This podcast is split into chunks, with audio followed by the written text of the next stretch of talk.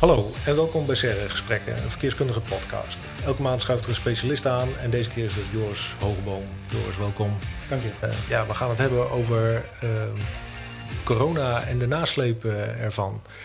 We leven in een interessante, in een interessante tijd. Hè? We zijn aan het uh, terugkrabbelen van uh, alles wat we hebben meegemaakt uh, in het kader van uh, corona. nou ja, dat heeft allerlei effecten gehad op ons werk, het thuiswerken en, en daarmee ook op verkeer. Um, de files waren opgelost een tijdje. Um, de gedachte was, we, we maken daar echt een slag in. Iedereen heeft wel gemerkt dat dat thuiswerken best een goed idee is. Maar teleurstellend uh, genoeg uh, is het weer net zo druk als dat het altijd was. Ja, ja.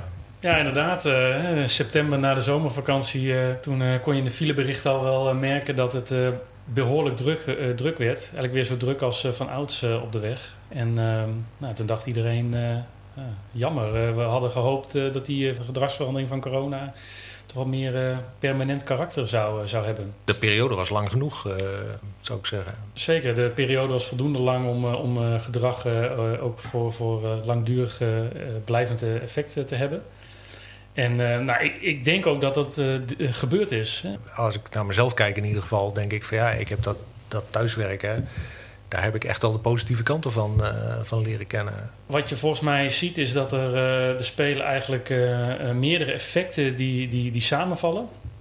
Je hebt natuurlijk um, aan de ene kant wat positief is, is het thuiswerken. Dat is ook iets, dat blijkt ook uit de, de gegevens, dat dat nog steeds meer gebeurt dan, dan voor corona. De data bijvoorbeeld van, van Google laat zien dat nog steeds ongeveer 10, 15 procent meer op, op de thuis werkplek gewerkt wordt. Dus dat, okay, dat, ja. dat, effect is gewoon nog steeds aantoonbaar ja. aanwezig. Ja. Maar als je dan kijkt naar wat je op de weg ziet, dan zou je denken van ja, maar hoe kan het dan dat het dan nog steeds uh, zoveel drukker is? Die 15% die je net noemde, dat zou uh, in zichzelf genoeg moeten zijn om uh, nou in ieder geval een belangrijk deel van de files te laten verdampen, toch? Ja, ja maakt natuurlijk wel uit welke of, of alle mensen eenzelfde thuiswerkdag kiezen. want als iedereen op vrijdag gaat thuiswerken, dan zijn de files er op maandag tot en met donderdag nog steeds.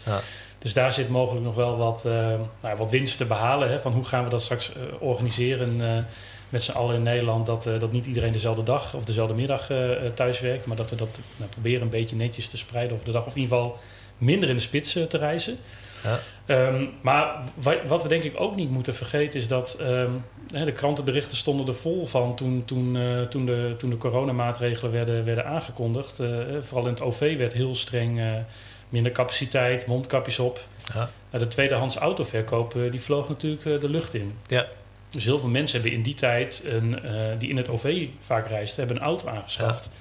En die rijden daar nog steeds in. Hè? Want veel ja. maatregelen in het OV, zoals het mondkapje, die zijn nog steeds verplicht. En dat weerhoudt een aantal mensen nog steeds van om weer terug te gaan naar het openbaar vervoer. Ja. En ik denk dat die twee effecten, dat die samen ertoe leiden dat je, ondanks dat er meer mensen thuis zijn gaan werken, je toch nog steeds, uh, dat we nu op dit moment weer ja, de files als, uh, ja. als van voorheen uh, terugzien ja. op de weg. Ja. Spijtige samenloop van omstandigheden, zou ik zeggen. Ja, maar aan de andere kant, nu de files ontstaan, zou dat voor, ik denk, die mensen zullen dan waarschijnlijk ook wel weer de eerste mensen zijn die hun auto mogelijk ook weer gaan opgeven. Want die, die, die kracht die het OV had op die mensen, die, die zijn natuurlijk, die hebben het OV ervaren, die, die weten uh, wat daar de voor- en, ja. nadelen van zijn. Ja. Uh, de verwachting is wel dat als de, de negatieve aspecten eigenlijk van het autorijden weer naar voren komen, zoals ja, precies, de, de file rijden, dat die ook weer sneller geneigd zijn om weer terug te keren naar het OV. Ik denk dat een belangrijk moment zal zijn ook wanneer echt alle maatregelen in het OV worden afgeschaft. Er zijn nog steeds wel mensen die nou ja, wel wat huiverig zijn om bijvoorbeeld constant met een mondkapje in het openbaar vervoer te zitten of die het toch nog wel beangstigend vinden om met zoveel mensen in een voertuig te zitten. Ja. Dus zodra die situatie zich normaliseert, verwacht ik wel dat dat, uh, dat, dat beeld ook weer gaat herstellen. Ja. En als we dan dat thuiswerken weten vol te houden, dan kan het ja. toch wel een heel mooi positief effect gaan hebben op onze mobiliteit. Ja, goed. Maar dan moet er wel een openbaar vervoer zijn wat op hetzelfde niveau is uh, dan wat ze gewend waren. Hè? Want ik kan me zo voorstellen dat de busmaatschappijen en, uh, en, en, en, de, en de trein vervoerders, uh, ja, die hebben het lastig nu. Mm -hmm. Qua inkomsten en, uh, en reizigersaantallen. Uh,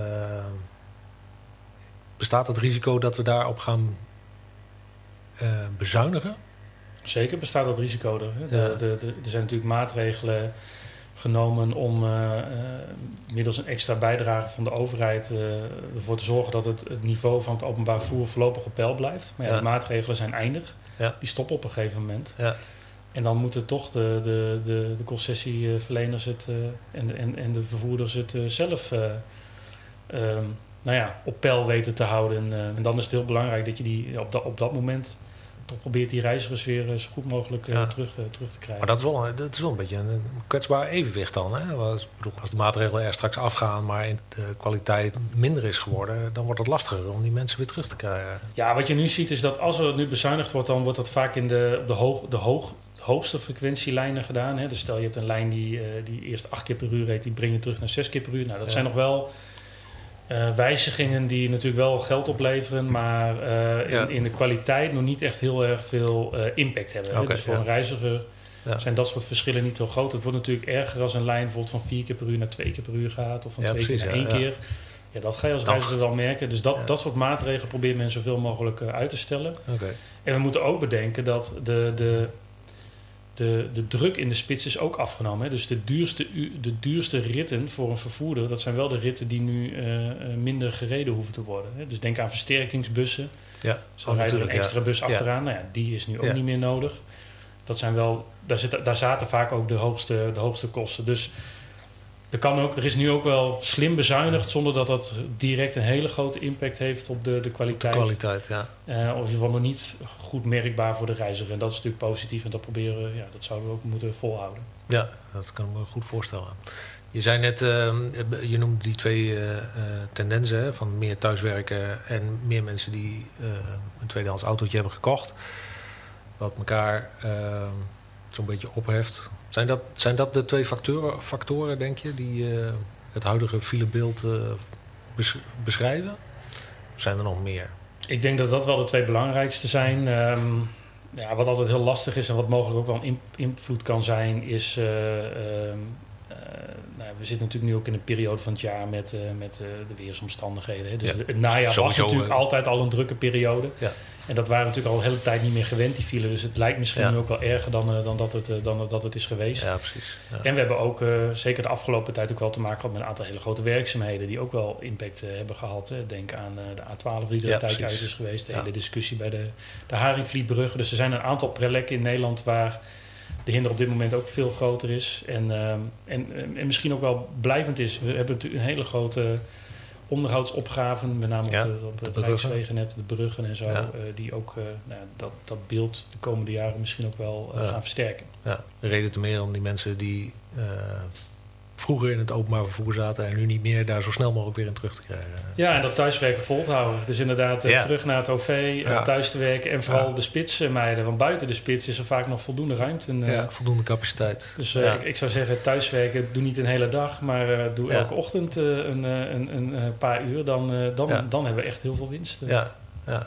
maar goed, ik, ik merk dat... Uh, heel veel organisaties daar ook echt uh, zich op aan het voorbereiden zijn. Dus ik denk dat dat thuiswerken, dat dat wel echt een, uh, een blijvertje is. Nou is alleen de vraag over hoeveel jaar uh, hebben we het openbaar vervoer weer terug op het oude niveau. Ja, dat, dat is inderdaad de vraag. Ik, ik hoop over, over drie jaar. Oké, je zegt ik hoop, dus je, het is een optimistische schatting? nou, het zou ook maar zomaar sneller kunnen okay, gaan. Hoor. Ja. ja. ik denk dat wanneer wanneer de maatregelen echt helemaal uh, eraf uh, zouden zijn, dat dat toch wel eens echt ja. een, een uh, nou, misschien wel een vlucht terug kan nemen. Laten we ja. hopen. Ja. hoe je het ook went of keert, we, we leven wat dat betreft in een buitengewoon interessante periode. Absoluut. Het is voor een, voor een data-analyst en een onderzoeker is dit een hele interessante ja. casus eigenlijk in die zin om te zien van wat gebeurt er nou, gedragsveranderingen, tijdelijk, permanent, wat doet dat allemaal en wat voor effecten heeft dat en ook voor de lange termijn we houden de vinger aan de pols. Absoluut. Uh, dankjewel.